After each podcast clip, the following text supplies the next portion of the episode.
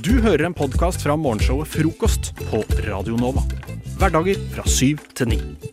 Jeg er medlem i en god del Facebook-grupper. og Det er jeg ikke overraska over. Takk.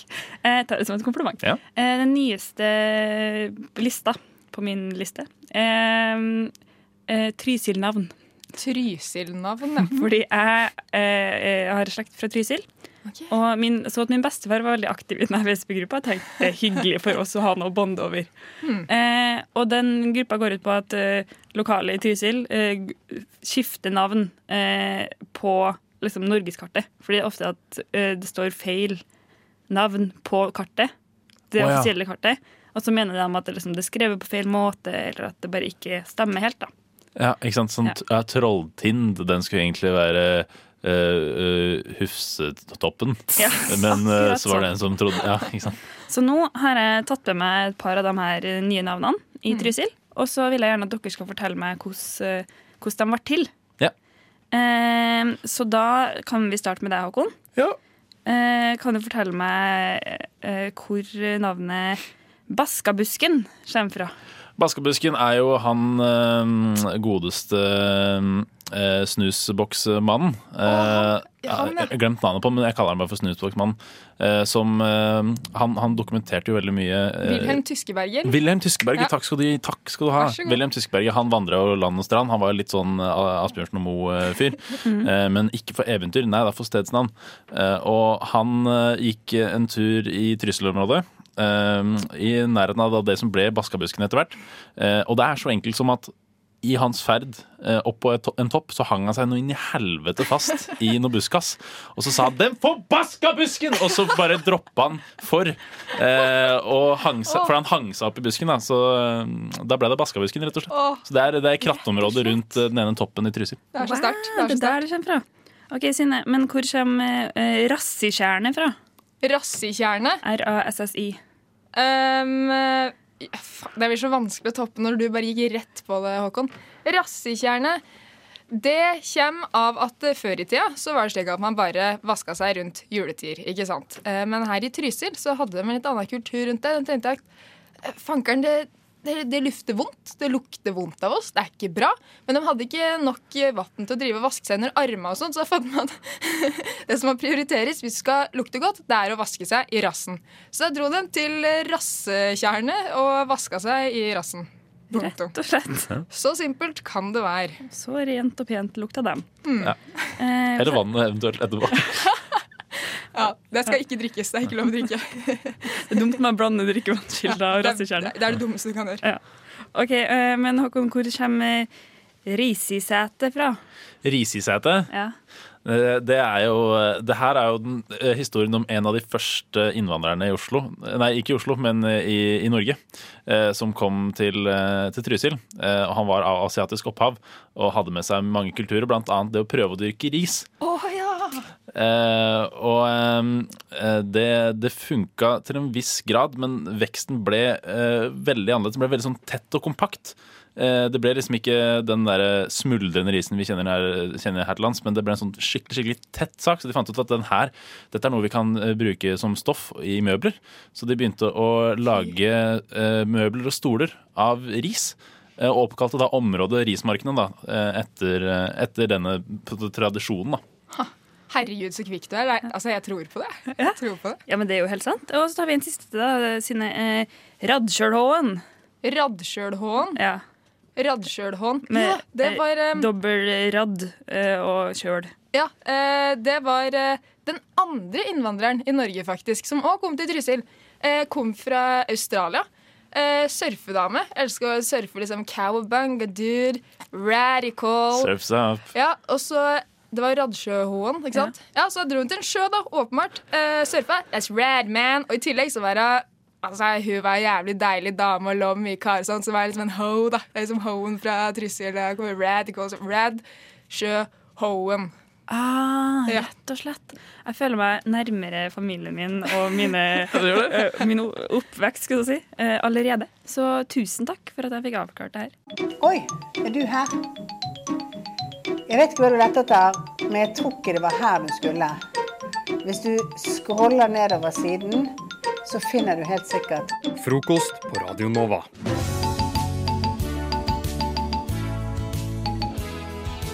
Ja, det er jo sånn at eh, jeg kan fint eh, lite Eller egentlig er ikke det sant, for nå har jeg hatt det, dette segmentet såpass lenge at jeg begynner å kunne litt om ordtak. Men det er støtt og stadig noe jeg lurer på. Eh, og det skal du, Sigrid, og du, Tine, få forklare for meg eh, i dag. Jeg har plukket ut to ordtak som jeg ikke kan forklaringen på enda. Men dere er jo eksperter på feltet, og dere kan forklare meg nettopp disse to ordtakene. Eh, har dere fått samla tankene deres under disse to låtene? Ja, ikke Ja. samla tankene, kanskje mer sånn lista på en ordentlig måte hvordan Ja. det kommer fra. da. Ikke sant? Sånn at det er forståelig for meg. Pedagogisk Ja. og lett. Synne, er du også uh, i mål med tankene? Eh, det er kaotiske greier der, men det er noe. Ja, Det er ikke sant? Det er jo jeg skal bare ha sannheten. Du Det er- skal bare ha sannheten, Det er bare det jeg vil ha. Eh, men kanskje Sigrid, kanskje du har lyst til å begynne Men kanskje Sigrid faktisk Sigrid, kanskje du har lyst til å begynne? Gjerne. Ja, Hvilket ordtak var det jeg ga deg? Du ga meg ordtaket 'Han slipper å ro, han som lar seg drive med strømmen'. Stemmer. Og det her ordtaket er jo et av mange i norsk dagligtale som folk blander lett og misforstår. Fordi mange tror det at det å drive med strømmen refererer til å dytte flyte ned en elv uten noe forsøk på å gjøre motstand. Men det er selvfølgelig helt feil og har et veldig mye mer historisk perspektiv enn som så. Og uttrykket det oppsto i Amerika, og dermed også på språket engelsk, og det er her mye av misforståelsen kommer fra. Fordi det er egentlig bare dårlig oversatt, og heter egentlig 'Han slipper arrow', som i pil. Han som lar seg drive med strømmen. Eh, og det kommer fra den tiden da eh, Robin Hood var eh, presidenten i USAs personlige bøddel. Og Robin han er jo kjent fra å være den hyggelige som stjeler fra den rike og gir til de fattige, bla, bla, bla. Men det er bare for å få det inn i sånn hyggelig barnefilmformat. For egentlig så eh, var han den verste bøddelen USA noen gang har sett. Eh, og han pleide å bruke alle som var rikere enn presidenten i USA, som blink i sine pil og bue-konkurranser. Og det her var veldig stor business, fordi folk pleier å vedde på hvor eh, bra Mr. Hood kom til å treffe. Eh, og da tippa man sånn Å, jeg tippa den treffer begge øyeeplene, eller sånn. «Det er Sikkert navlen i dag, eller åh, nå tar han kjønnsorganet. Betson.com. Eh, Veldig. Eh, og det var for mange den viktigste inntektskilden deres. Eh, og man kunne tjene veldig stort på å være en god gjetter.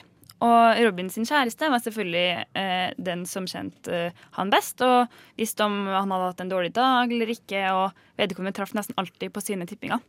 Og en dag hadde eh, hun tippa så bra at hun ble rikere enn presidenten.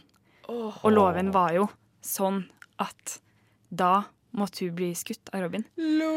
Men da ble jo han så lei seg, eh, og han ba på sine knær og tigga til presidenten om vær så snill, kan ikke hun få slippe litt billigere, jeg har ikke lyst til å skyte henne. Sånn. Og da fikk hun lov til å bli strømma. Altså eh, elektrifisert og la seg drive med strømmen. Drive bort fra jorda, altså, og opp til himmelriket. Eh, Istedenfor å bli skutt med pil og bue. Eller arrow, da. Wow. Og det her uttrykket kommer fra. Eh, og også faktisk der eh, eh, grunnen til at USA fortsatt har eh, strømming som sin eh, dødsstraff nummer én. wow. wow. Rett og slett. Sjukt, ass. Jeg skal revurdere ordet strømmetjeneste også nå. For det er, han gjorde deg Det- sjøl det det en strømmetjeneste. Ja. Det, er, Mm, ja, Det er dumt. det er veldig dumt. Ja, det er ville greier. Ja. Det, var, det hadde jeg ikke sett for meg i det hele tatt. Men uh, wow, nå føler jeg at jeg er en historie og en fun fact og en, et ordtak rikere. Ja. Jeg håper jeg ikke blir ordtak rikere enn presidenten, for da dauer jeg jo. Ja, Eh, deg. Eh, Synne, du fikk også et ordtak. ja, stemmer. Jeg fikk ordtaket 'Et lite, men utsøkt selskap', sa mannen og drakk aleine. Eller alene. Alene, sier jeg. Um, ja, jeg setter i gang, ja. Dette ordtaket kommer fra Skottland, nærmere sagt fra eldgammel skotsk-gælisk mytologi. Her har vi de to karakterene, mannen og alene. Mannen er, som navnet tilsier, en vanlig dødelig mann, mens eh, alene var navnet på et lite mytisk vesen av typen gnom. Faktisk var alene sjefen for eh, den, den skotske gnomebefolkningen. Den sknotske. Eh, det ble sagt at ingen kunne brygge vellykka vin uten gnomenes velsignelse. Eh, som alle ellers òg veit. Eh, og mannen i denne historia her, han var alt annet enn gnomevelsigna. Han hadde nemlig bosatt seg oppå et gnomebol. Og ergo gjorde gnomene alt de kunne for å på magisk vis sørge for at mannen aldri klarte å brygge vin med mer enn skarve 6% alkohol.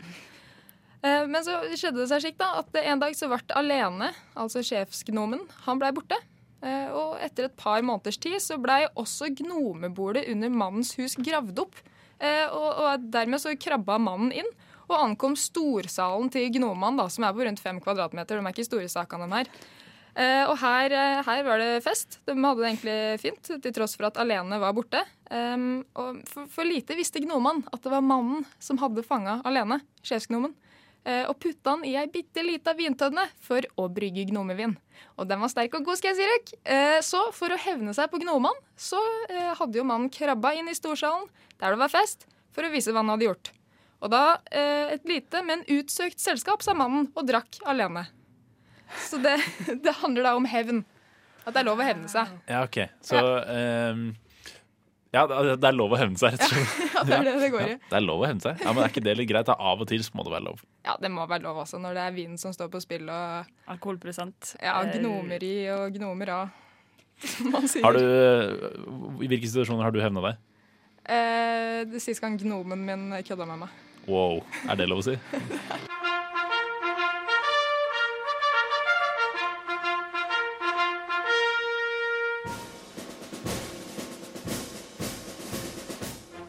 Morgen, mine medsoldater.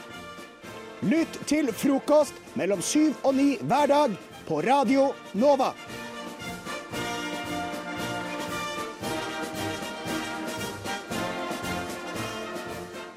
Vi skal diskutere noen upopulære meninger fra de upopulære meningers eh, krybbe. Reddit, Ja. føler jeg. Um, Backer deg der. Backer der. der, er det mye, der er det mye upopulært, altså. Gull, røkelse og myra til upopulær. Gi meg en R forward slash og en upopulær mening, takk. Ja, det er deilig. Um, da vi går rett på den, vi. Eh, hvis, nå, nå oversetter jeg på rappen, da, så Ja, dere ja. må bare komme ut hvis, uh, hvis det ikke går an å forstå. Eh, hvis kiden din springer rundt som en gærning, snubler og detter seg Allerede der. Der. Det er første. Snubler, detter, slår seg. Eh, da er det lov til å skratte. Kjempelov. Ja. Det er ikke jeg helt Jeg, jeg syns det er Ja, superlov. det. Eh, Fordi barn eh, liksom, de speiler din reaksjon. Så hvis barnet ditt detter, og så får det litt vondt, og så sier du sånn. Så kommer de til å si, se på deg og tenke å nei, nå er mamma lei seg, nå må jeg være lei meg. Det er så jævlig godt poeng, det. Var du, hadde du en master i psykologi, eller hvordan var det? Jeg har barneoppdragelse. Hedvig Montgomery er min mor. master i barneoppdragelse. Sjukt. Nei, men jeg, jeg tror at dere tenker eh, for mye teori og for lite praksis. For jeg tenker i teorien så, så er jeg enig. Dumme barnet, ha-ha. Men se for dere at, at dere sitter på flyplassen. Du må ikke peke og le. Det er forskjell på peke og le. Dere sitter på flyplassen, ungen slår seg sånn ordentlig på trynet, begynner å bli neseblod og sånt, og så skal du sitte der på den her i ventestolen og, og sånn faktisk skratte. Du vil jo bli sett rart på. vi, vi, må, vi må definere litt hvor hardt den ungen slår seg. Da.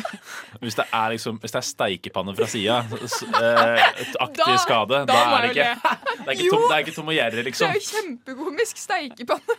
Men jeg Ja, tror men det er jo Tom og Jerry Det er Tom og Ja. Jerry-skade. Er sånn som eh, bare skjer i tegneserier, som Ja. alle ler av, men det kan, du kan ikke overleve det drittet der. Men jeg tror okay. du, Synne, du uh, er jo sånn Er det lov å le når folk er, er der? Du tar på en måte den at folk ser på og dømmer oh, ja, deg som at jeg ville gjort det hvis det var bare meg og barnet. Ja, det tror jeg.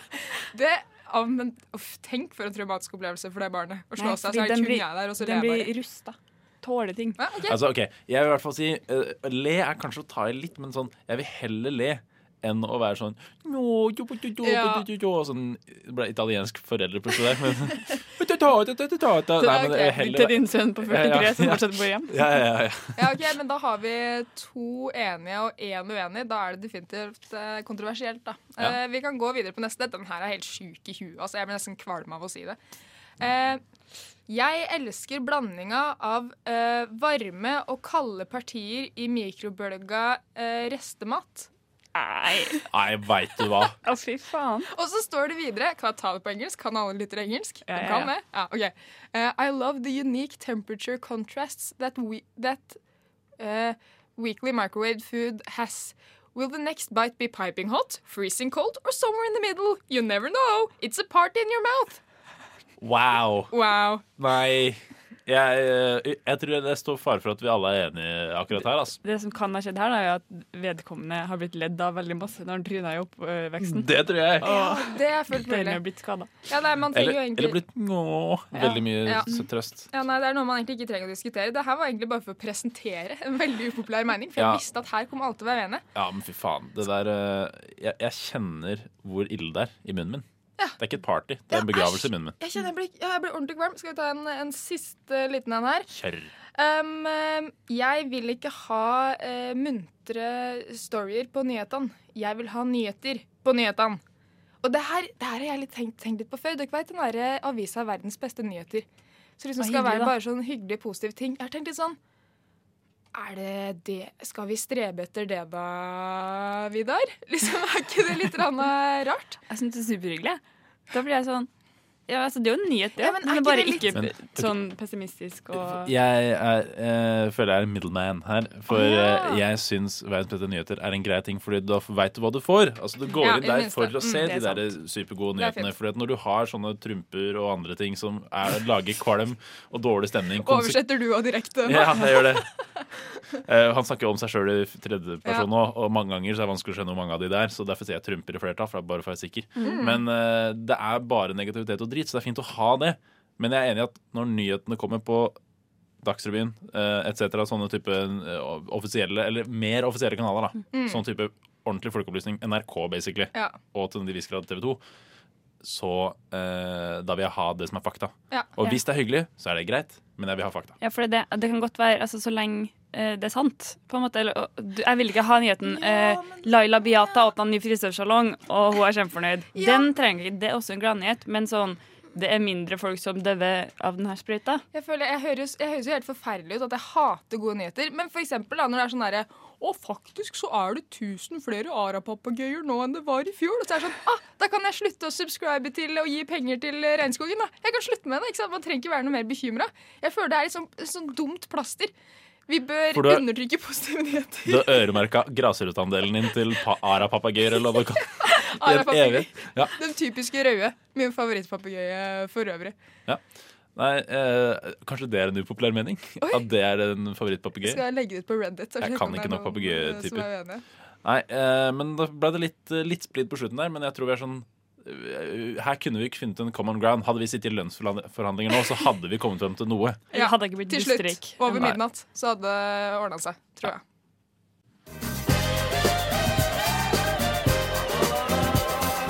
Stor. Tre for to. Så lenge lagerbeholdningen holder. Her i frokost. Større. Bongo. Bongotrommer. Skittentøyskur. Egg og. Lyslenker. Cheeseburger. Kaviar. Nagler og kors.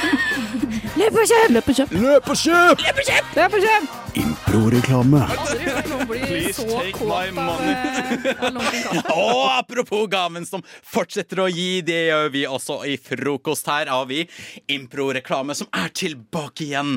Og konseptet er så enkelt at du Vi skal bare reklamere for et produkt eller en tjeneste. Eh, og og det, det er så enkelt. Vi, vi tar alt på sparket. Ingenting er planlagt her annet enn temaet. Og temaet denne uka her er jo, det er jo rett og slett halloween-uka her, ikke sant? Uh, Halloween, spooktober. Oh, Så vi har funnet eh, produkter på det store internett som har en eller annen relevans til halloween. Og er dere klare, folkens? Dritklær. Alltid klær. Ja, så bra. Hvem har lyst til å starte? Jeg kan starte. Jakob, du skal starte, og jeg skal gi deg dette produktet her. Veldig absurd produkt. Men dette her er altså en maske. Men du kan også beskrive hva den maska her er av. Oi! Han blir helt målløs, så Trenger du, min gode venn Trenger du å være aleine på halloween? da kan du kjøpe denne flashlighten her. Fordi det er akkurat det det er. En flashlight som ser ut som ei ansiktsmaske. Som er ansiktsmaske, så du kan ha en vagina i trynet. Trenger ny For hvis du vil bli kalt et fittetryne, kjøp denne maska her. Herregud, du satte meg så ut, André. Jeg forventa ikke det der. OK. Uh, Sigrid. Yes, yes, yes. Uh, Eh, dette her er et produkt for deg som uh, eh, de som ikke tør å banke på dører. Mm. Så det er altså en, en shoeknocker. Altså en, en, Istedenfor at du sparker på ei dør for å banke på, så gjør den dette automatisk. Vær så god. Vet du at også skotippen din kan gi deg korona om du banker på noen andres dør? Ikke nå lenger! I årets Knask eller knep kan du ha din egen scoot, scoot go, der du kan ta med deg din sko for å sparke ned andres dører. Gir det deg ikke godteri, så kan du sparke de også. Det er helt fantastisk, og du får de for bare 399 på Europris. Spark deg bak eller foran med skonaker. Spark dine venner i øret, da! Damn boy. Og André, eh, du skal få en halloweenpynt av den litt større sorten. Okay. Eh, det er en pynt å ha i hagen. Eh, to meter høy. Mm. Oppblåsbar. Oppblåsbar oh, It's Hi, Georgie. I'm a big inflatable clown. That bring gives you pop, popcorn. Få denne store, forferdelige i- i- it oppblåsbare figuren her på Radio Nova spooky, spooky sider. Gå inn, klikk deg der, og bare bestill denne her. Den koster bare 299 sjeler. God morgen. Har du sovet godt? Å, godt å høre. Skal vi høre på frokost sammen? Ja, la oss, eh, la oss gjøre det.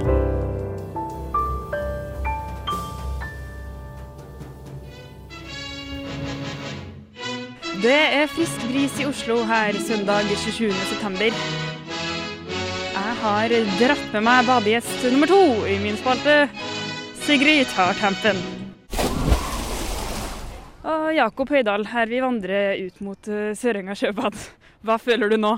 Vet du hva, jeg er så lite gira på, eh, på dette her. Det eh, Jeg bygger meg opp en sånn manflu bare fordi at eh, jeg syns synd på meg sjøl, rett og slett. Ah, jeg syns ikke noe om dette her, Sigrid. Jeg angrer. For å, å få manflu før man hopper uti, da er du pjusk. Se hvor kaldt det er, da. Det er dritkaldt der. Å, fy faen, Sigrid. Altså, jeg er ikke sånn veldig fan av å bade uten at det er god temperatur. Jeg er jævla god på å stupe, da. Det, Så vi får se et lite stup nå. jeg, jeg kan ikke love noe, men uh, muligens det blir et lite stup, ja. Det, ja. Jeg føler jo at denne snikskryten her leder opp til at når du nå snart skifter til badeshorts, så er det et stup. Vi får se.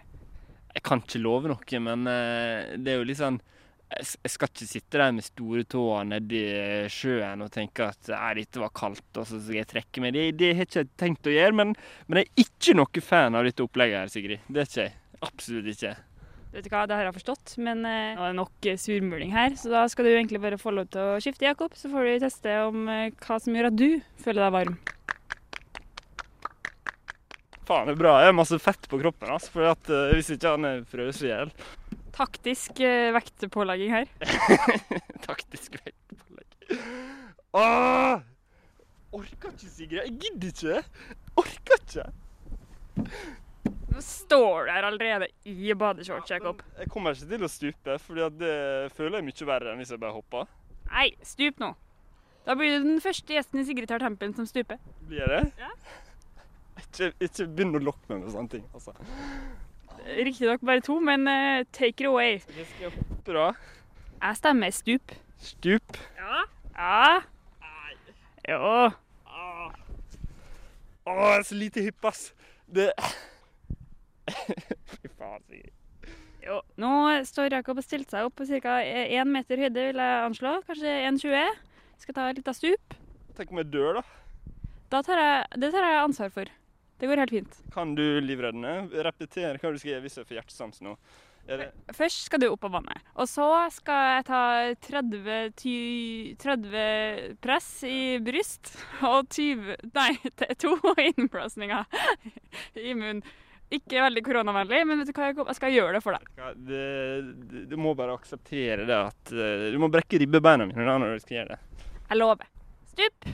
Tre. to,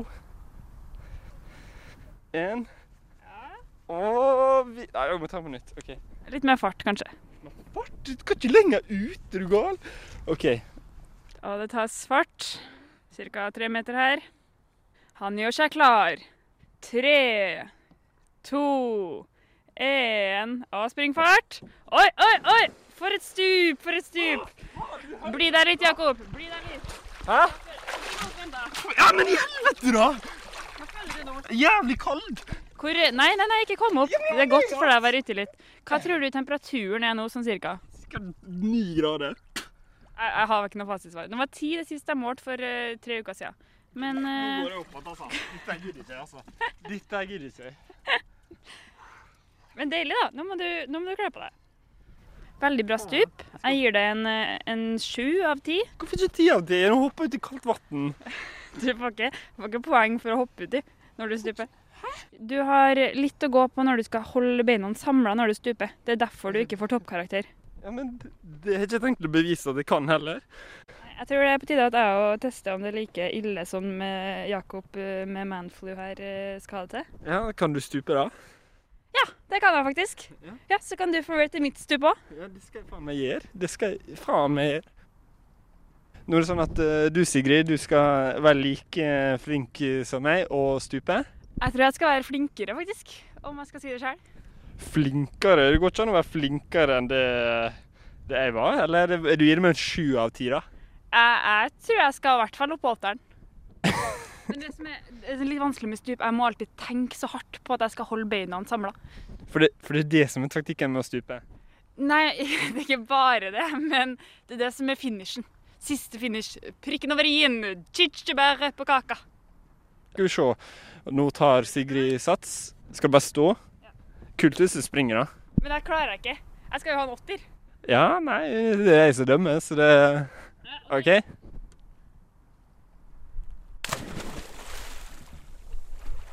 Woo!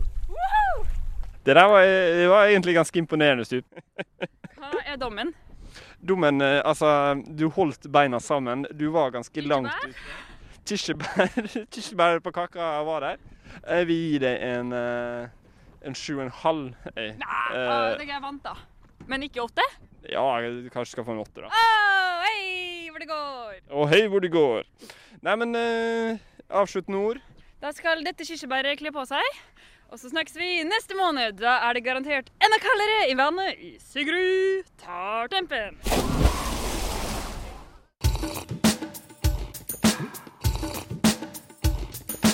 Frokost. Best i øret.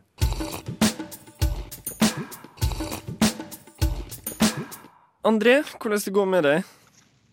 Det går veldig bra med meg, Jakob. Du- Hvordan går det med deg? Det går bra. Jeg, sitter, jeg kan kjenne lukta av, eh, av litt frokost uh, røskende opp inn i neseborene mine. Ikke sant, Sigrid? Veldig deilig. Jeg kjenner hele veien ned til Majorstukrysset fra Chateau Neuf altså.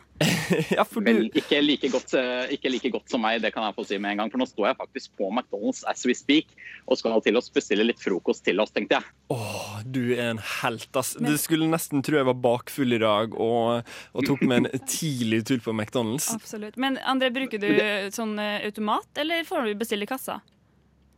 Eh, Jeg tenkte at jeg skulle faktisk prøve å få kontakt med dem og få bestilt i, i kassa. Eh, Det står jo bak et, de står uansett bak et sånt pleksiglass, så det, vet du, alle forhåndsregler er tatt.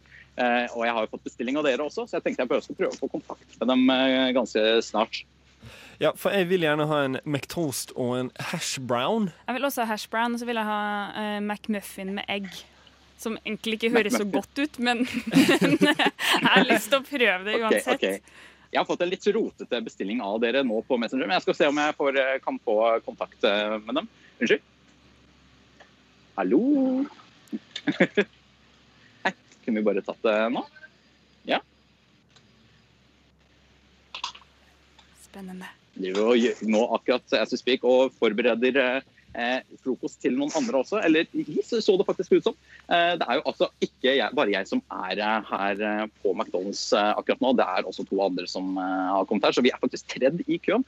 Så det er faktisk, faktisk folk som benytter seg av, eh, av McDonald's når de skal eh, nyte frokosten sin. Da, altså.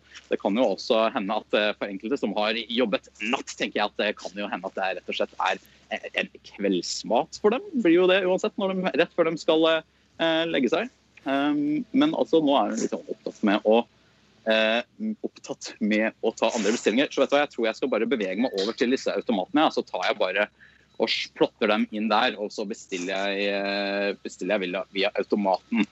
Så kommer jeg snart tilbake til eh, huset med, med denne McDonald's-frokosten. Som jeg er, liksom, jeg er litt motstander av å, å spise McDonald's til frokost. For jeg holder liksom alltid, alltid frokosten hellig. Og som du også blir, vår kjære lytter.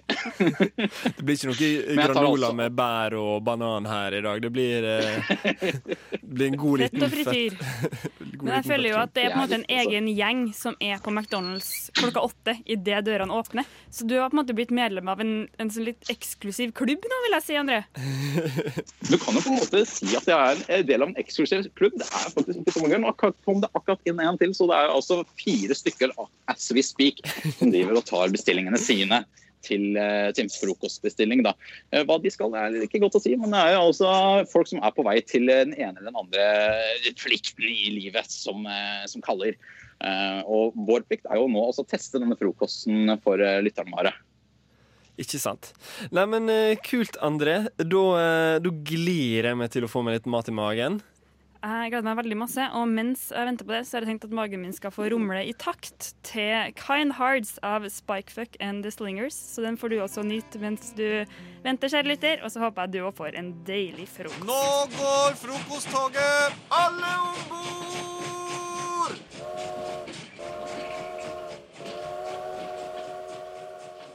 Ah, shit, ass, nå er jeg tilbake igjen. Hjertelig velkommen skal du være, André. Ja, takk, takk, takk. Det var eh, litt av en eh, Jeg ble litt våt holdt jeg på å si, av den turen der. Det begynte å regne masse på veien tilbake igjen. Men nå har vi altså Nå har vi matene.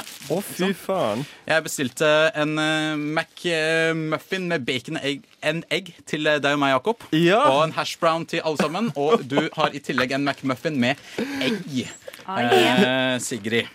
Men da. eh, Yes. er det bare å digge inn, da? I, for vi skal jo også Ikke bare for at vi skal få mat, det er selvfølgelig en viktig del av det, men vi har lyst til å teste hvordan det er å spise McDonald's-frokost. Ja. Eh, og bedømme for deg, vår kjære lytter, om det her er noe å bruke pengene sine på, eller å bruke morgenen sin på.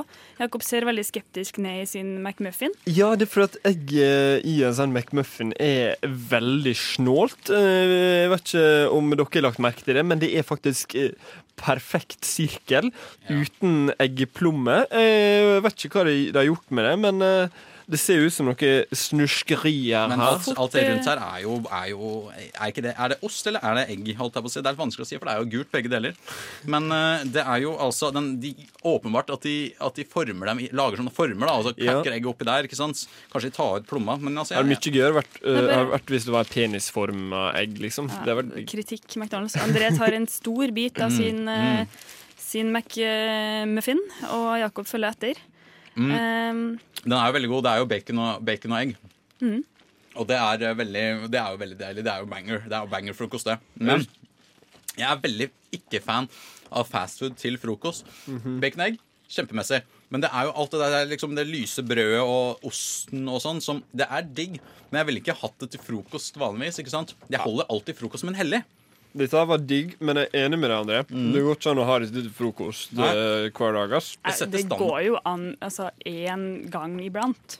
Ja. Jeg tok en bit av min. Jeg tok jo uh, uten bacon. Mm. Um, og da syns jeg det har vært Jeg syns uh, at osten på burgera er litt rar. At det er litt sånn her Den cheddar-greia ja. smaker litt sånn falsk plastikk. Mhm. Syns jeg alltid. Så jeg tror ikke at jeg hadde bestilt meg en McMuffin med egg annenhver dag. Men en gang iblant så går det ned. Nå var det godt å få, få i seg mat. Men jeg har vært veldig nysgjerrig på denne hash brownen. ikke sant? Ja. Fordi jeg, jeg, er ikke, jeg, det, jeg føler at det er en veldig amerikansk greie. Hva er en hash brown? Hash brown. For eh, den eh, uvitende lytter, André, hva er en hash brown? Det er jo, eh, det er jo potet. Det er jo potet. er det som, det det? Ja, det er potet som har, er eh, masha opp, og så er det jo frityrstekt, dette her, da. Mm. Så de har rett og slett raspa en potet, og så har de skvist den sammen igjen med litt sånn egg og ting som binder den sammen. Så så frityrstekt frityrstekt eh, en potetball, på en måte. Eller en Den var den- den- potetplate. Den var jeg veldig fan av. Hashbrownen var jeg veldig fan av. Den var veldig god. Men, men samtidig det er sånn der, jeg, Dette er digg. Dette smaker godt. Men jeg bare vet at fastfooden den, den setter liksom standarden for resten av dagen. Ikke sant? Nå kommer jeg til å gå resten av dagen og liksom føler meg liksom litt treig og ekstra daff fordi jeg spiser fastfood til frokost. Du som er så sunn til vanlig, du kan jo ha smoothie og granola til middag. Det er sant. Og bytte change it up a little bit. Ja, men det hjelper på en måte ikke når jeg er allerede daff som faen, liksom. Dette her kan ikke spise det til frokost. Det går ikke, denne hashbrownen der. Oi, nå ble du litt, litt sånn ikke? aggressiv eh, for hashbrown. Jeg kan ikke sitte her og late som jeg er bakfull klokka åtte på morgenen uten å drikke. Dette, unnskyld meg, dette her går faktisk ikke an å spise til frokost. men det var digg. Du, du, kan, du, du syns hashbrownen var digg, ikke sant? Nei. Du syns ikke det? Nei. Hvorfor ikke? Den var jo så god. Det er, herregud, Det er mye potet. fett, da. Det er veldig mye fett. Ja, det, kan jeg være med på. Det er veldig greasy. Det er det. Absolutt. Det er jo frityrstekt. Men Så ifølge deg da, er jo ikke også det her frokosten for dem som én er bakfull, eller to har lyst til å late som de er bakfull. Eller tre lat som de, de er veldig glad i middag til eh, frokost. Uh, Det kan jo være en sånn løsning for uh, Nå blir det jo litt mindre festing fremover med nye restriksjoner og sånt. Hvis man da bare bestiller seg McDonald's-frokost Simulere den simulerer bakfullheten. Det er jo en variant. Nei, men uh, André, hva, hva vil du si er dommen? Eh, maten rater jeg seks av ti, men jeg syns eh, det at eh, Men fire får fire av ti, fordi fastfood til frokost nope. Hei sann, Google. Campingplass eller Gran Canaria, Donald Trump eller taco, Kim Jong-il eller Kim Jong-un, Kanye West eller Sylvi Listhaug, juleferie eller sommerferie, Vidkun eller Adolf. Frokost, breakfast, desayunado, frühstück, morgenmad. Hva googler nordmenn mest? O store trendmaster, det er tittelen jeg gjerne vil bli til, til, tiltalt eh, som. O store trendmaster. Takk, Christian. Du er trendlærling i dag. Jeg skal eh, benytte meg av nettsiden trends.google.com, som er et fantastisk verktøy Google har, hvor du kan rett og slett eh, eh, slenge inn akkurat hvilke søketerm du vil, og så får du en oversikt over eh, hvor i landet man googler mest. Du kan søke fra land til land. Du kan søke altså, i Norge, som jeg har holdt meg til. eh, og du kan sammenligne ulike termer. Du ser grafer på når det googles mest, osv. Um, og da har jeg en masse spørsmål her. som Nesten like genialt som Kvasi sitt nøkkelhull, der du faktisk kan se hva folk kvasier i samtid. Det er sant. Hvis man skulle hatt det på Google, så tror jeg man aldri hadde rukket å lese alt. Eh, men det, jeg har da noen Google-baserte spørsmål til deg, Christian. Så du er en slags Google Trends-utfordrer nå, eh, mot den store Trendmaster. Er du klar? Jeg har ikke noe annet valg. Da skal vi la Google selv få lese opp det første spørsmålet. Når på året googler nordmenn strikking mest? Ja, det- det er klink høst. Klink Det er klink høst. Ja, ja. Eh, vil du være mer konkret enn som så? Oh, ok. Ja, for jeg, jeg, jeg, vil, jeg kan si at jeg vil, ha, jeg vil ha svaret ned på månedsbasis. Ja, riktig, riktig. Eh, for man kommer ut av sommeren, da har man hatt uh, sommerklærne på. Det er ikke så mye behov for strikka ting da. Man kan jo alltid ha den der eh, litt sånn løsstrikka genseren på sommeren, men den er gjerne strikka høst-vinter uansett, til å være klar til sommers. Eh, jeg, tror, jeg tror faktisk det er oktober, eh, fordi da begynner bladene å falle skikkelig av, eh, av eh, greinene. Eh, og halloween, og folk har lyst til å tenne seg litt lys og sånn, så oktober er der jeg står. Det, du kunne ikke hatt mer rett. Det er 100% riktig. Det er, eh, vi er midt inne nå i stringens høytid. Så, eh, så det er veldig godt eh, levert, Kristian. Eh, Google Trends-lærling, du starter godt. Eh, Vi får se om du fortsetter like godt på spørsmål nummer to. Når på året googler nordmenn gaming mest? De gu... Å. Altså bare, bare termen gaming. Dette ja. er jo litt mer opp din gate enn strikking, kanskje. Ja, Skulle man tro, men du var veldig, du var jo veldig kjapt ute på strikking. Ja, men det er bare fordi Når man ser seg rundt, så er det så utrolig mange som driver og strikker akkurat når, når det kommer til høsten. Men gaming, uh, åh, det vil jeg nesten kanskje tro i Åh, fordi jeg tenker litt Den er litt mer vanskelig. Ja, Fordi hvorfor skal man google gaming? Eh, det, er jo det store Eh, spørsmålet. Hvorfor skal man google gaming? Fordi For min del så er gaming bare sånn Ja, ja, selvfølgelig. Og så googler man noen termer under der igjen. Sånn at ikke du tar på hovedflaten. Da tror jeg føler er sånn at man skal ha noe gave til en konfirmant eller til, til, eh, til jul, så er det en eller annen onkel som må drive og Uh, rett og slett google seg fram til hva, hva Han spiller et eller annet gaming, og så ser vi hva som dukker opp, og så kjøper vi et eller annet derfra. Jeg- mai, det var det første som slo meg. Du går for mai. Det er Det er, eh, det er feil, rett og slett. Så du får en sånn buzz-lyd. Det er Du var inne på det, for det er november. Og det er mot Ja. slutten av november, så jeg tror på en måte at det er en slags sånn Altså Høsten er også gamingens høytid på mange måter, Ja. når det blir mørkt ute. Og så tror jeg på en måte dette Folk begynner å tenke litt på julegaver og sånt i desember, og så er det samtidig mange som gamer. Jeg tror det er da at liksom, de møter hverandre litt sånn i november. Ja. Eh, Da er det 1-1. Det vil si at det, det siste spørsmålet Christian, det er veldig viktig for at du skal klare å bestå Google Trends-eksamen. Jeg føler Uansett jeg kommer til å svare, så kommer jeg til å få 0,8 poeng, og så tar du et eller annet sånn Ja, men jeg tar ett poeng, jeg, og så whippity. Vi får se. Her er i hvert fall siste spørsmål. Hva googler nordmenn mest, hvitvin eller prosecco? Prosecco, som eh, Google-stemmen kaller det. Ja, Eller Prosecco, som jeg ville sagt. De googler mest Prosecco. Du tror det er Eh, Prosecco mest? ja. Hvorfor? Da vil jeg høre begrunnelsen. Det er viktig også på eksamen. Ja. Det, eh, riktig svar er ikke godt nok på dette nivået. Vi det- skal også ha veien er dit. matte, dette er matteeksamen, så du kan, du kan skrive riktig svar, men fuck it, hvis du ikke skriver hvordan du kom fram til, da har du juksa.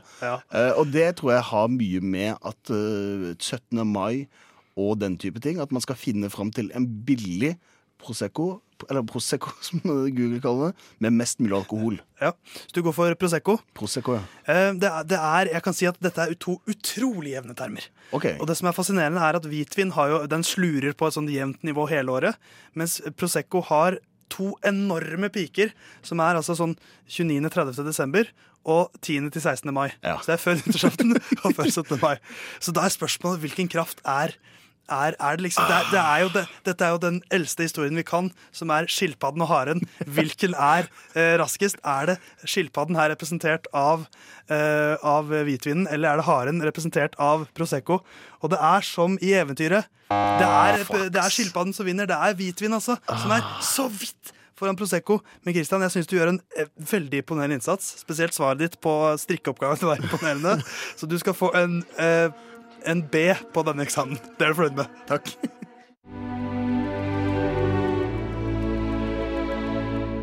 Mine herrer, vi stanser ikke før det blir natt. Hva med frokosten? Dere har allerede spist den. Vi har hatt én, ja. Men hva med den andre frokosten? Jeg tror ikke han kjenner til den andre frokosten, Pip. Hæ? Hva med formiddagsmat, lunsj, ettermiddagsmat, middag og kveldsmat? Han kjenner til de, gjør han ikke det? Jeg vil ikke regne med det. Han har nok bare hørt om frokost på Radio Nova. Pippin! Det regner mye for tiden, Christian. Det er bare å etablere det faktum. Det er livets høst vi er inne i nå. Det er både livets og årets høst, eh, og Theis her, han har eh, jeg, jeg kom til å tenke på noe for et, for, for et par dager siden. Da var jeg på vei hjem, voiet som jeg jo gjør, eh, og havnet midt i et infernalsk regnvær. Eh, Det er det mest intense regnværet jeg har sett i hele år. Eh, Og da nådde jeg et punkt hvor jeg bare begynte å smile. Du, du oppnådde på mange måter den barnehagetilnærminga til regn. Ja, og og det var et veldig tydelig, tydelig punkt da, det, liksom, da det, bikket, det bikket over for meg galskap, som det på en måte føles litt ut som. Ja. Det var den, akkurat det øyeblikket da jeg kjente at nå er jeg ikke bare fuktig på, på låret, ikke, ikke buksa, men på selve låret. Nå har det kommet vann gjennom altså, Buksa mi er mettet av vann, så nå går vannet rett gjennom, og nå renner det vann ned beina mine. Og de, de ville samle seg i skoen hvis ikke du finner på et eller annet. Og om du gjorde det. Eh, og det nådde da et, et punkt hvor man ser jo litt tullete ut når man voier eh, trosse naturens krefter på en, med en bitte liten elmotor i ryggen. Da hadde du attpåtil fått deg en Voi uten sånn bakskjerm, sånn at du fikk ekstra vann bare dytta på beina. Det var drømmen, men jeg fikk dessverre ikke det. Men det oppsto en liten sånn uh, flott medmenneskelig situasjon, faktisk. For jeg fes ned mot Sagene, fes gjennom Sagenekrysset. Buksa di blaffer. ja. Så fes jeg mot nord, uh, mot, uh, mot litt nord for Sagen der jeg bor. Og idet jeg passerer da Sagene busstopp, så står det, står det en kvinne under busskuret der, i leskuret. Og så er det veldig Og så får vi blikkontakt, og så bare begynner hun å glise. Og da svarer jeg med en sånn Jeg svarer med nå, skal jeg, nå skal jeg vise hva jeg gjorde, Kristian. Ja. Og så kan du få beskrive hva jeg gjorde. Mm. Jeg, jeg står altså sånn på, på voien min, gasser. Og så, og så får vi blikkontakt, så smiler hun, så smiler jeg, og så er jeg sånn her. Theis smekker ut en liten hang loose-tegn som surfere driver og holder med. Hang loose. Eller den klassiske når du skal illustrere at du snakker i telefonen. Dagens, Også, så- dagens generasjon De Nei, later som sant. de løfter opp en selve telefonen, så det ser ut bare at de holder Ja. et eller annet i hånda. Men jeg som er gammel, jeg husker da vi hadde telefoner eh, og så er det når du på en måte rister på det. Ja, hang loose. Og så gliste vi til hverandre. og så fortsatte jeg. Var ikke det et flott eh, øyeblikk i regnværet? Jo, det, da viser det at her er vi mennesker på nett, selv om vi prøver å holde avstand. Men jeg hadde jo håpa at du hadde stoppa at det står en med paraply, og så sier vedkommende Vet du hva, du kan få buksa mi. og så blir det buksebytt. Men da, da blir det veldig sånn Elling-stemning plutselig. Åh, nei, Sist jeg kjente på noe sånn følelse, det var i militæret, og da var det ikke glede. Da var det bare faen, altså, jeg så våt uansett, så nå kan jeg bare gå. Altså, da kan jeg bare hive meg i den, eller bare det har ingenting å si. Ja, for det, jeg følte på en måte at kroppen min var, så mett, var mettet for fuktighet sånn sett.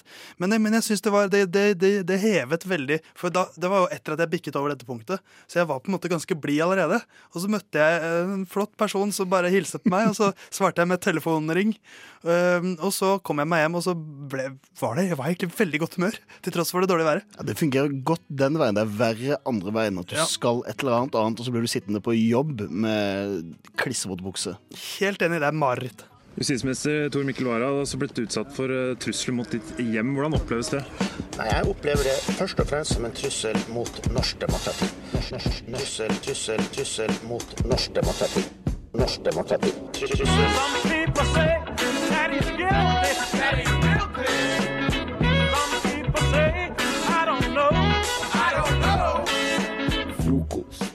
Beskytter demokratiet. Hverdager fra syv til ni. Det var i helga jeg fant ut at nå burde hele verden synes synd på meg. Og da tenker du at nå har det sikkert skjedd noe kjempetrist med han Christian. Nei, det er ikke så trist hvis du ser det sett so, zoomer ut, så er det ikke så utrolig trist. Men for min del der og da så gjorde det vondt på verdighet, på lommeboka og på magen min. Oi. Hva, hva tipper du det kan være? Altså, det er verdighet, lommebok og mage. Mm. Da må vi jo fort inn i matens verden, mistenker jeg. Ja, det er helt riktig. Eh, restaurantbransjen. Ja, man kan kalle eh, altså, det er, hva, det er, De kaller seg sjøl for en restaurant, men det er ikke så restaurantete som at jeg vil ha det til. Er det et svindelforsøk vi skal ha Det- gjennom, Kristian? Fra en Mac McDonald's, kanskje? Den gylne måke?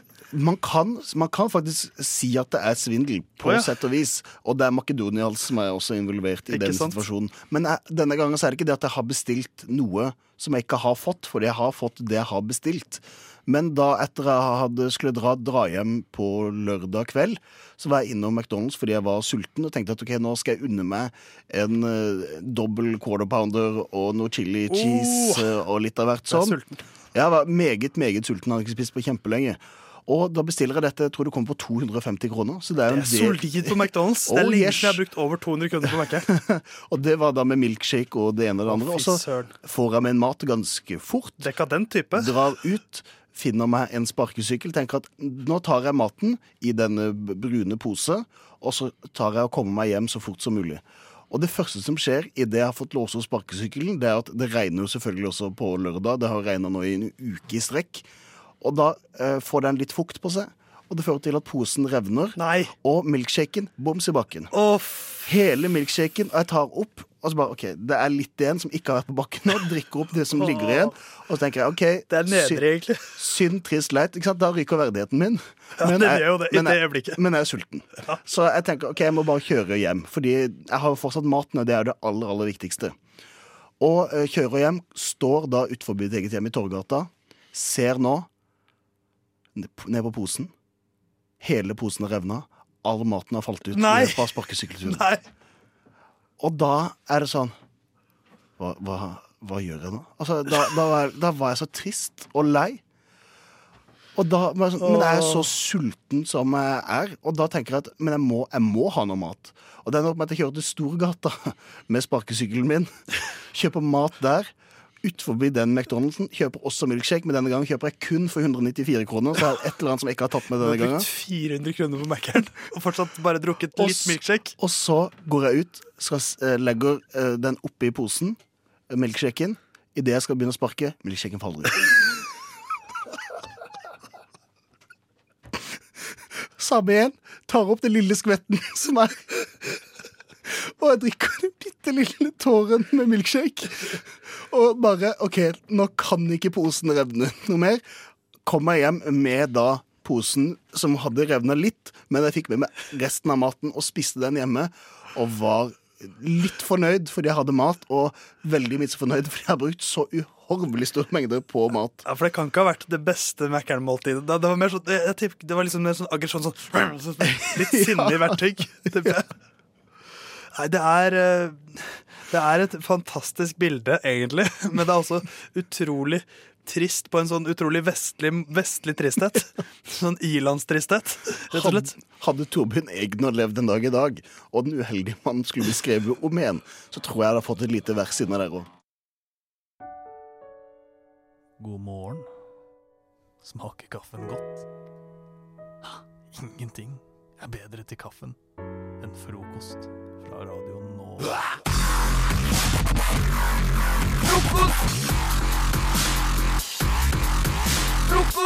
En av de tingene som har definert hele min skolegang Hei. Det er litt harskt. Ja, jeg skjønner. Skal vi begynne på nytt? Begynn på nytt. Ok. En av de tingene som har eh, definert hele min eh, skolegang fra start til slutt, fra første klasse på eh, barneskolen til mitt nå tredje år i bachelor i journalistikk, ja. er at man må holde presentasjoner og forelesninger og prøve å teste om ting man ikke kan. Slipper aldri unna.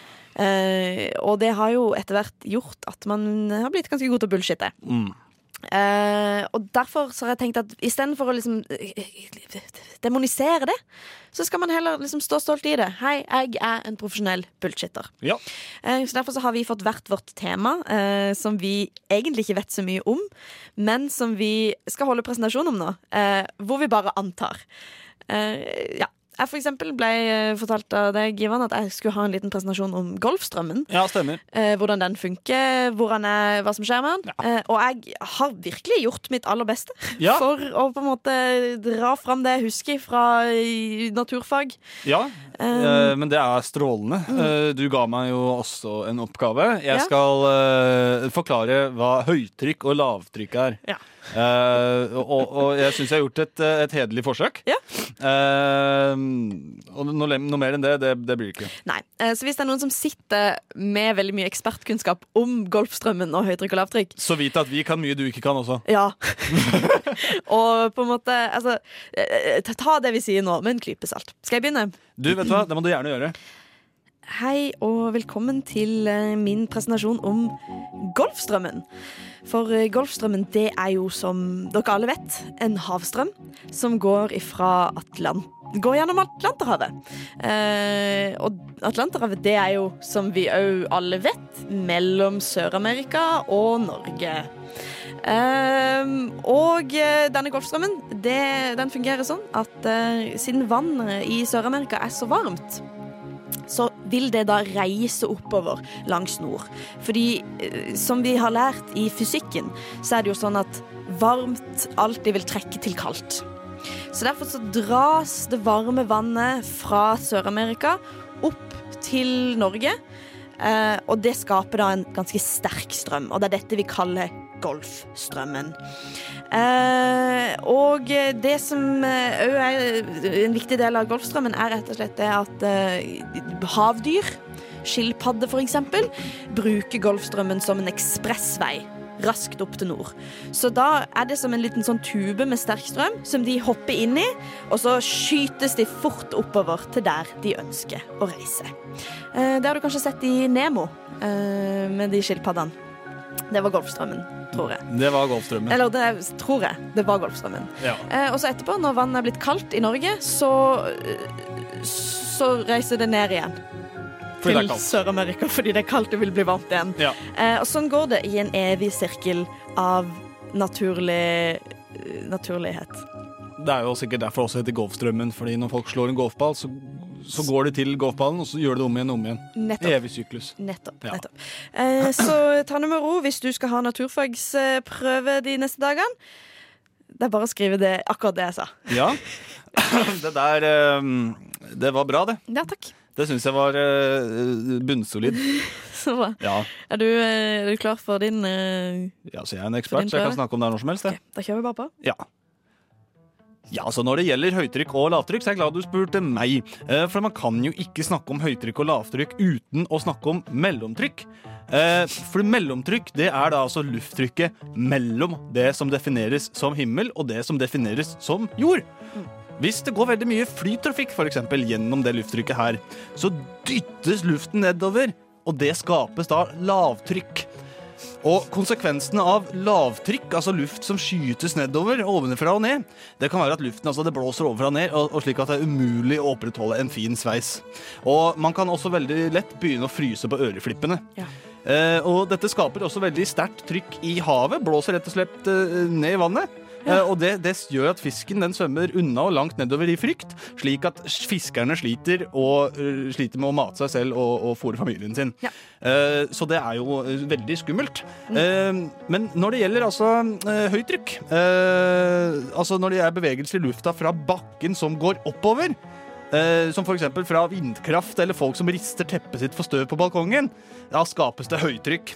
Og Det vil da si at eh, det blåser fra bakken og opp mot himmelen, og det kan jo være ekstra forstyrrende for de som går med kjole eller skjørt. Eh, og hvis du merker at det er høytrykk, så kan det være veldig greit å ikke ha åpna en paraply, da den også kan blåse opp og bli ødelagt. Ja, ikke sant. Ja, eh, og det her får jo også fugler til å fly veldig mye høyere, ikke sant? Det blir jo slitsomt å stå imot det høytrykket. Virkelig. Eh, og det gjør jo da at bæsjen den fyker mye lenger bort og mye mer ukontrollert. Så når det er høytrykk, da gjelder det å passe seg, altså. Ja. Nei, men eh, wow! Ja, ja. Så mye vi har lært i dag. Ja, det her eh, Er det noe vi ikke kan? Ja, vet du hva? Jeg er litt inspirert av oss. Ja. Fy faen, så gode vi er. ja vi er åh. Nå går frokosttoget! Alle om bord!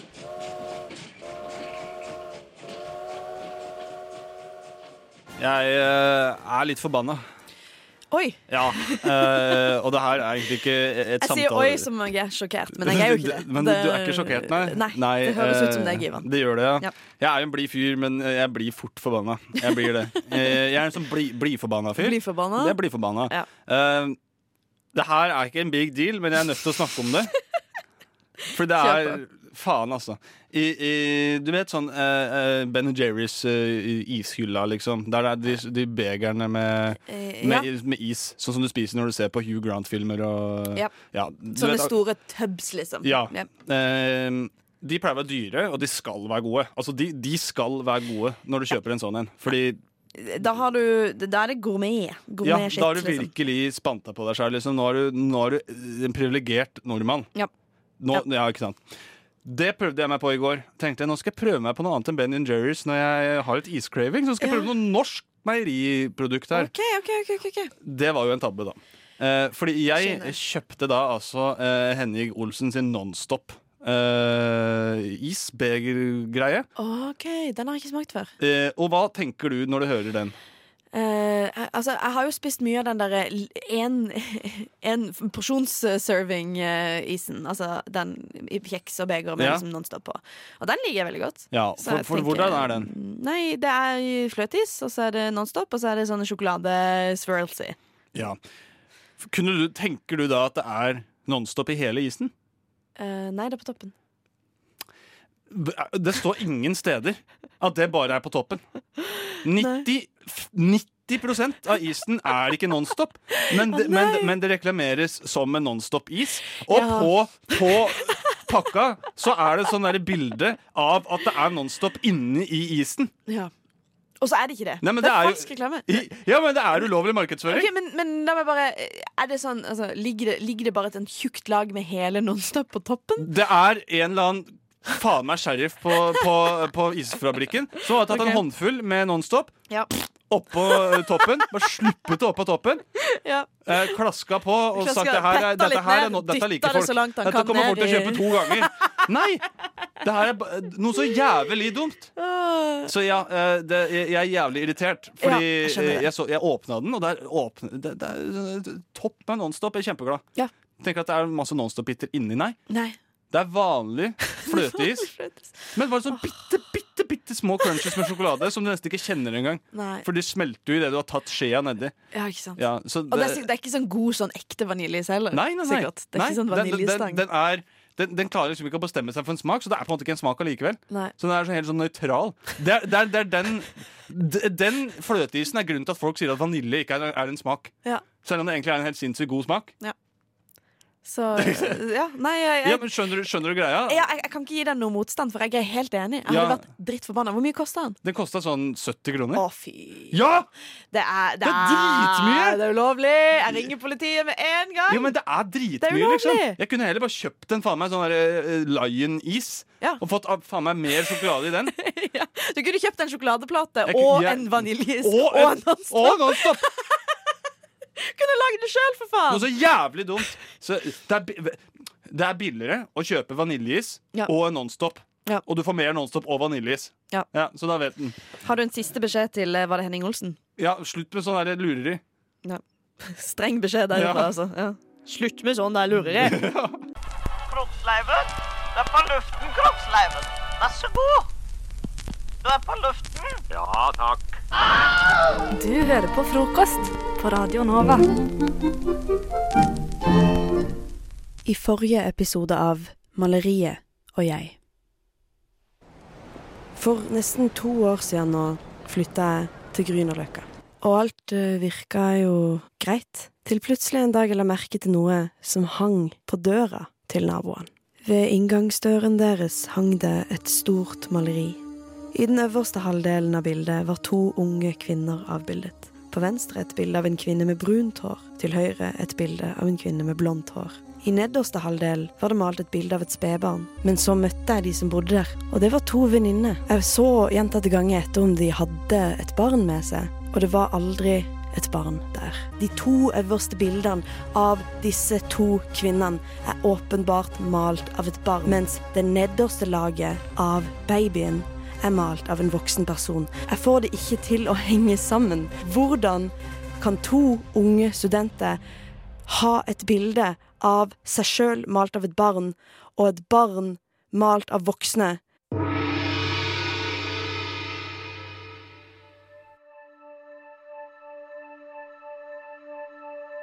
Har du noen gang sett noe som gir så lite mening at det endrer hvordan du ser på hele verden? For det gjorde jeg, Hedda og Vidja Stølen, da jeg flytta inn i min nye leilighet på Grünerløkka for to år siden, og så maleriet som mine naboer hadde hengt på ytterdøra si. Nå ønsker jeg å finne svaret på historien bak bildet. Svaret på maleriet og jeg. Maleriet og jeg. En frokostpodkast-original. Nå er det heldigvis sånn at jeg skal slippe å finne svaret på historien bak naboen sitt maleri helt alene. For med meg så har jeg min gode venn og produsent Johan Maximus Collett. Jeg syns det er veldig spennende. Um, for deg blir det liksom en liten reise for å få svar på dette her, og for meg så føler jeg kanskje det er en reise for at jeg skal få litt svar på hvem du er. Johan han har kjent meg siden dagen jeg ble født. Og er det noen som kjenner meg godt nok til å kunne veilede meg gjennom denne reisa, så er det han. Jeg ser på meg sjøl som en Som på en måte kanskje psykologen inne på politistasjonen. Som bare tar en sånn Tar og sjekker inn på deg. 'Hei, hvordan går det nå med den nye saken din?' og sånn. Jeg er på en måte Jeg, jeg har ansvaret for å trekke deg ut når du kommer for langt inn, sånn at jeg òg kan liksom Jeg kan leve et ganske normalt liv. Mm, mm. Og vite at du er ute i grøfta og bare Ja, Du har ikke tenkt å miste noe nattesøvn over dette sjæl? Jeg kommer ikke til å miste noe nattesøvn over dette. Eh, og det tror jeg er bra. Hva, hva tenker du, hva er liksom best case scenario? Altså svaret, hva er best case, og hva er worst case scenario? Altså, det er litt sånn interessant spørsmål, fordi det er jo noe med Vil jeg egentlig få vite på dette? Vil jeg egentlig få en endelig, et endelig svar?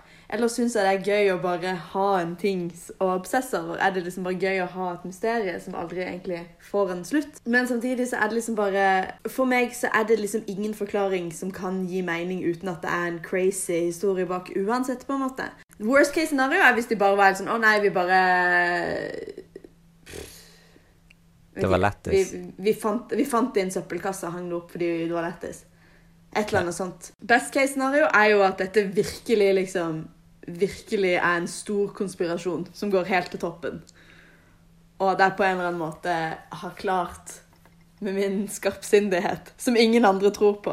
Det er bare meg og min skarpsindighet som har klart å liksom avdekke dette mysteriet, og alle som har trodd at jeg har vært en idiot eller uh, obsessive, skal liksom spise hatten sin fordi jeg på en eller annen måte har klart å avdekke noe stort. Men jeg tror, Hedda, fordi at um, du fortalte meg jo denne her historien, Mm. og antok at jeg hadde hørt denne historien før. Mm. Eh, fordi at dette her har vært For jeg har kjent deg ganske lenge. Ja, og, og jeg, har fortalt, jeg har fortalt dette til så mange. Ja. Så jeg bare regner med at alle som noensinne har møtt meg i mer enn fem minutter, har fått med seg denne historien. For jeg føler at det på dette tidspunktet nå har blitt en så, så stor del av min personlighet. Men, men du hadde ikke hørt det før? Nei, og det, jeg tror det egentlig blir en litt sånn styrke fremover. For hvis det hadde vært en ting du hadde fortalt mange ganger, sånn der, så kunne jo jeg kanskje ha kjent litt på at jeg ikke klarer å eh, få opp det samme engasjementet. Men nå er jeg jo faktisk jeg ny i denne her.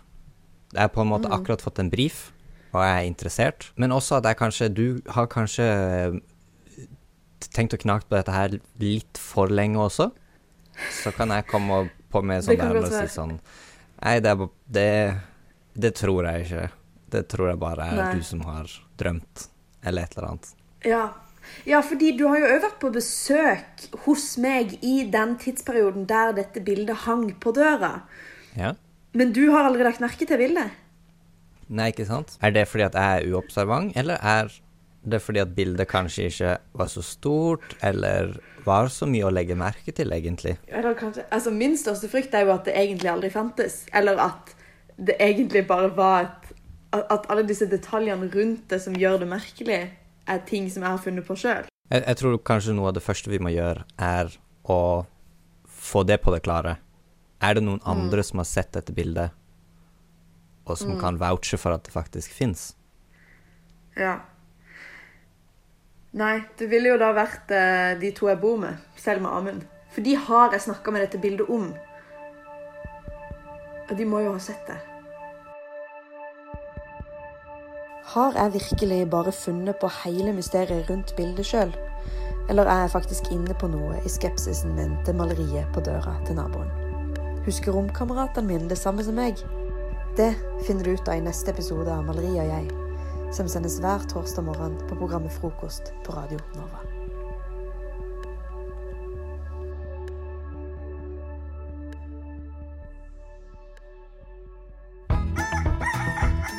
Du hører en podkast fra morgenshowet Frokost på Radio Nova. Hverdager fra syv til ni. Ekstremt lojale frokostlyttere vil ha fått med seg at jeg på onsdag eh, hadde en frokostsending her hvor jeg hadde funnet nye Facebook-grupper. Et litt nytt konsept på Facebook hvor, eh, hvor folk har Facebook-grupper hvor gruppene heter noe sånt som En gruppe der vi later som om vi er brødskiver. Eh, Ja. Så fant jeg også gruppa som heter eh, Group Where You Pretend It's 2009 til 2012. Å, det er varmt og godt. Eh, Så det er egentlig bare en Facebook-gruppe hvor folk legger ut bilder av Shrek, de legger ut bilder, later, legger ut bilder av Michael Jackson, skriver RIP osv. Og, så videre, og later som om, om ting skjer Altså sånn Å, jeg håper Obama blir gjenvalgt i 2012 osv. Um, så, så dette er egentlig bare en, en Og da fikk jeg beskjed da av Christian som jeg hadde sending med, at du skal dykke dypere ned i den gruppa. Um, så det jeg har gjort da, er at jeg har orkestrert et lite hørespill hvor Anders, Synne og Theis skal dra tilbake til 2009-2010, 12-ish. Så da er det bare å skru klokka tilbake til 2009, da verden var mer uskyldig. Ah, fuck! Ah, shit De, de, de creeperne de tar meg hver gang. altså. Ja, Halla, Anders. Halla! Hva, hva er det du spiller Hva?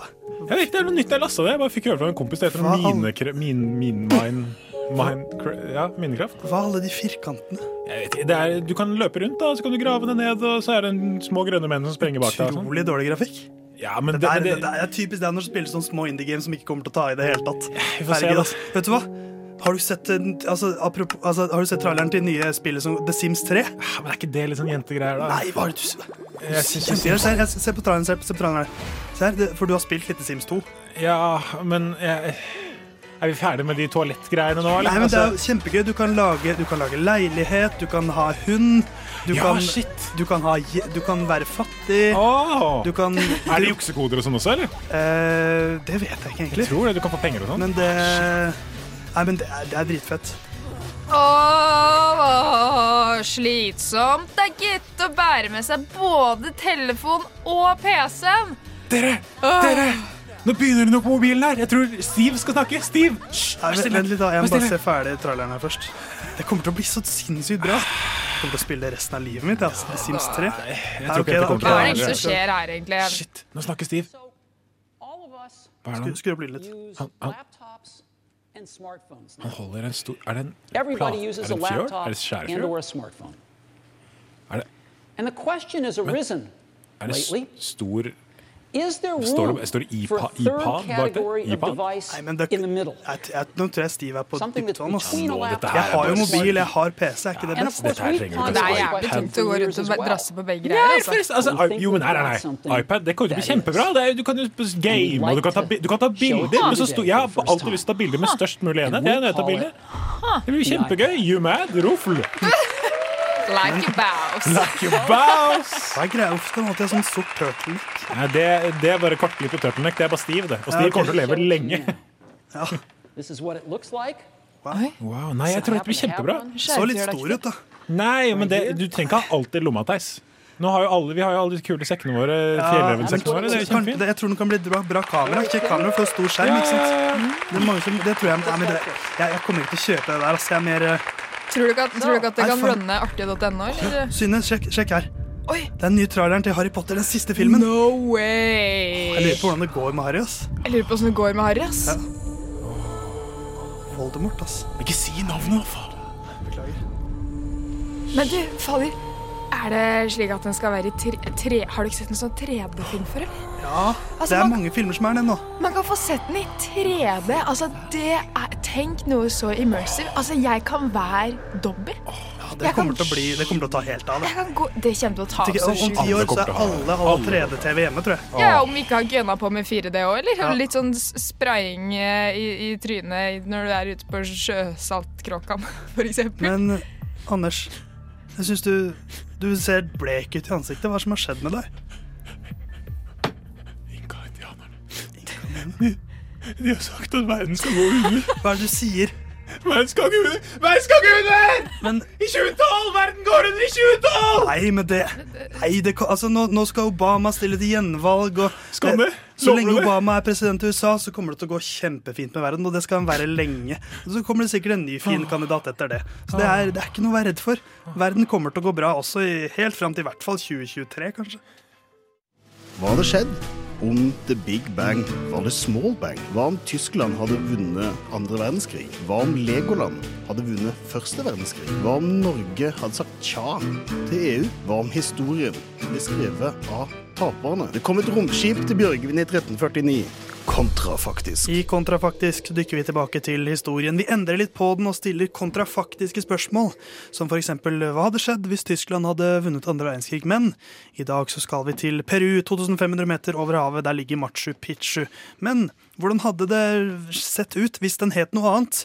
Eh, Jeg ga Synne Anders oppgaven eh, til å da dykke litt ned i Machu Picchu og Machu Pikachu. Eh, Så de har brukt to låter nå på å skrive litt et førstehånds vitnesbyrd. Anders, har du lyst til å begynne med macho Pichu? Det er ingenting jeg har mer lyst til. Skal jeg, se. Jeg skal bare kremte teatralsk. Og da skal vi tilbake til starten av 1900-tallet, når Anders kanskje kom dit for første gang. 6. oktober 1901. Lærstroppene på den tunge ryggsekken gravde seg inn i skuldrene mine. Jeg sukket tungt.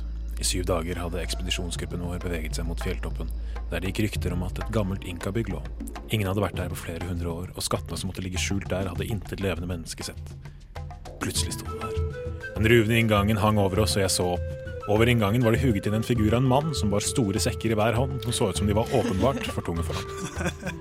Under bildet av den bærende mannen sto det en tekst på inkaspråket, og den lokale tolken vår oversatte teksten til 'To turer er for jenter'. Vi tente faklene våre og fortsatte innover i bygget. På veggene lyste flammene opp. Bilder av menn som løftet tunge ting med ansiktsuttrykk som åpenbart var tilskrudd for å understreke hvor tungt de bar. Det var bilder av menn som sto rundt andre menn som grillet på kullgriller med teksten 'Kjøttet blir fint nå, ja'. Med ett hørte vi et skrik inne fra mørket. Nakkehårene mine reiste seg. Det var stemmen til den yngste ekspedisjonsdeltakeren vår. Jeg løp gjennom mørket, kom fram til der hvor stemmen hadde kommet fra. På gulvet så jeg en stor gruppe skjeletter. Det kunne bare stamme fra en tidligere ekspedisjon som hadde frosset i hjel. Men hvorfor hadde de ikke lagt seg tettere inntil hverandre for å holde varmen? Jeg lente meg nærmere et av skjelettene som lå på bakken og leste inskripsjonen som var risset inn med negler i steingulvet. Vi trenger ikke spørre om veien. Ja, jeg skjønner hvorfor Machu Picchu døde ut. Der er du god, altså. Den var sterk. Det er godt levert. eh, Interessant å høre den alternative virkeligheten. Men Synne, i din alternative virkelighet så heter dette stedet Machu Pikachu. Ja. Det er bare tull. Det er bare tull. Det er bare tull. Vi drar tilbake i tid. Vi hadde gått lenge, lett og lett, etter inkaenes rike. Det hadde ikke vært lett. Vi var slitne og sultne, men stifinneren vi hadde fått tak i, var fast bestemt på at vi nå var like ved. Vi klatra og uffa oss opp bratte bakker og løs stein, før riket åpenbarte seg for oss. Velkommen til Machu Pikachu, hørte vi noen rope fra den, ny fra den nydelige byen på fjellryggen, før vi tok oss ned dit. Vi forsto nesten ingenting av hva de sa til oss. Det første høvdingen sa, var nemlig Halla, gjengen. Team Mystic? Ute og fange Pokémon? Er en gym her som kan bli jævlig grell og campaigner, men det er lov å prøve? Vi så på hverandre, lamslåtte og forvirra. Altså, Det heter jo ikke Machu Pikachu for en grunn. Vi er jo en gjeng med weebs, liksom. Inks og Chasa der borte er full team med shines, liksom. Catch them all, liksom. I choose you, liksom. Det neste øyeblikket fikk jeg og gjengen en stein hver i hånda.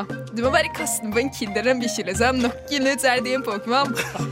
Vi så på med skrekk og gru. Så begynte vi å kaste. Det tok ikke lang tid før alle var knocka ut, og byen var vår. Gotta catch them all. Bare tull. Jeg er, jeg er bare tull. Jeg skulle ønske jeg kunne leve, leve i begge disse to virkelighetene.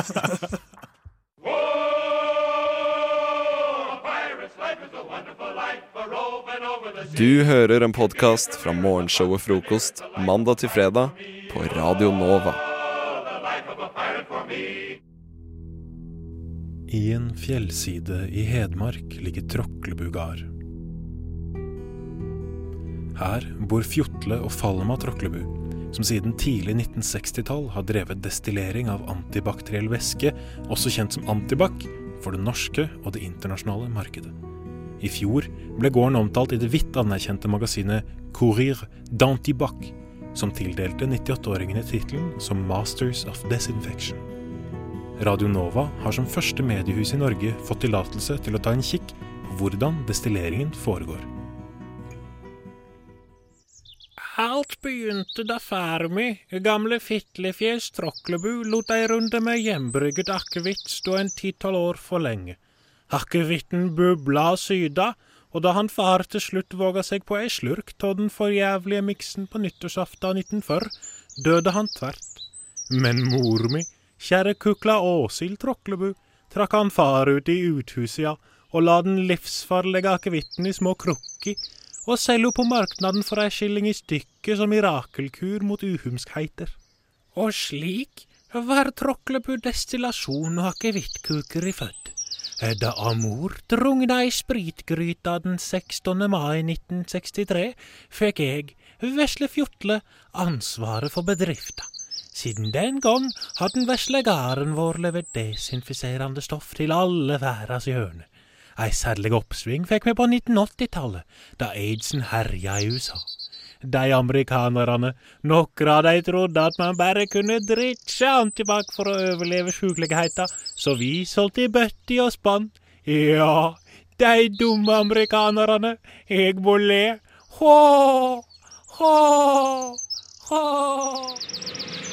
Nå står vi i eh, destillasjonsanlegget i kjelleren under Tråkkelby Tråkleby uthus, der eh, liket av din far eh, fortsatt ligger. Stemmer ikke det, Fjotle? Jo, det stemmer. I Hedmark bring det ulykke å fjerne liket av familiemedlemmer fra arbeidsplasser. Kom, så skal jeg vise deg noe. Fjotle Tråklebu tar meg med bort til den største aluminiumstanken jeg har sett. Den må romme minst 5000 liter. Siden mars har kone Falma tjent 500 millioner amerikanske dollar på utbruddet av covid-19. Hver gang jeg ser Bent Høie og Espen Nakstad i fjernsynet medan de står der med de alvorlige hestefjesa og leser opp nye smittetiltak, gnir jeg meg i nevene og ler. Ja, jeg ler. Hå, hå, hå. Fjotle går bort til tanken og begynner å klatre opp en tynn stige som går hele veien til toppen. Jeg skal hente deg ei sleiv med antibac rett og gryta, så skal du se hvor fin og fersk han er, ja. Dere byjævler vet ikke hvordan antibac er på gamlemåten, nei. Å, og stigen er så glatt. Å, å nei! Og mens Fjotle Tråklebu drukner i den ferske antibac-en, som er familietradisjonen her på Tråklebu gard, takker Radio Nova for seg. Husk, vask hendene.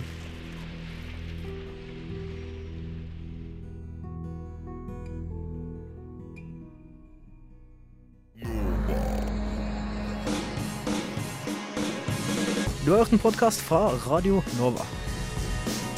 Likte du det du hørte? Du finner flere podkaster i iTunes og på våre hjemmesider radionova.no.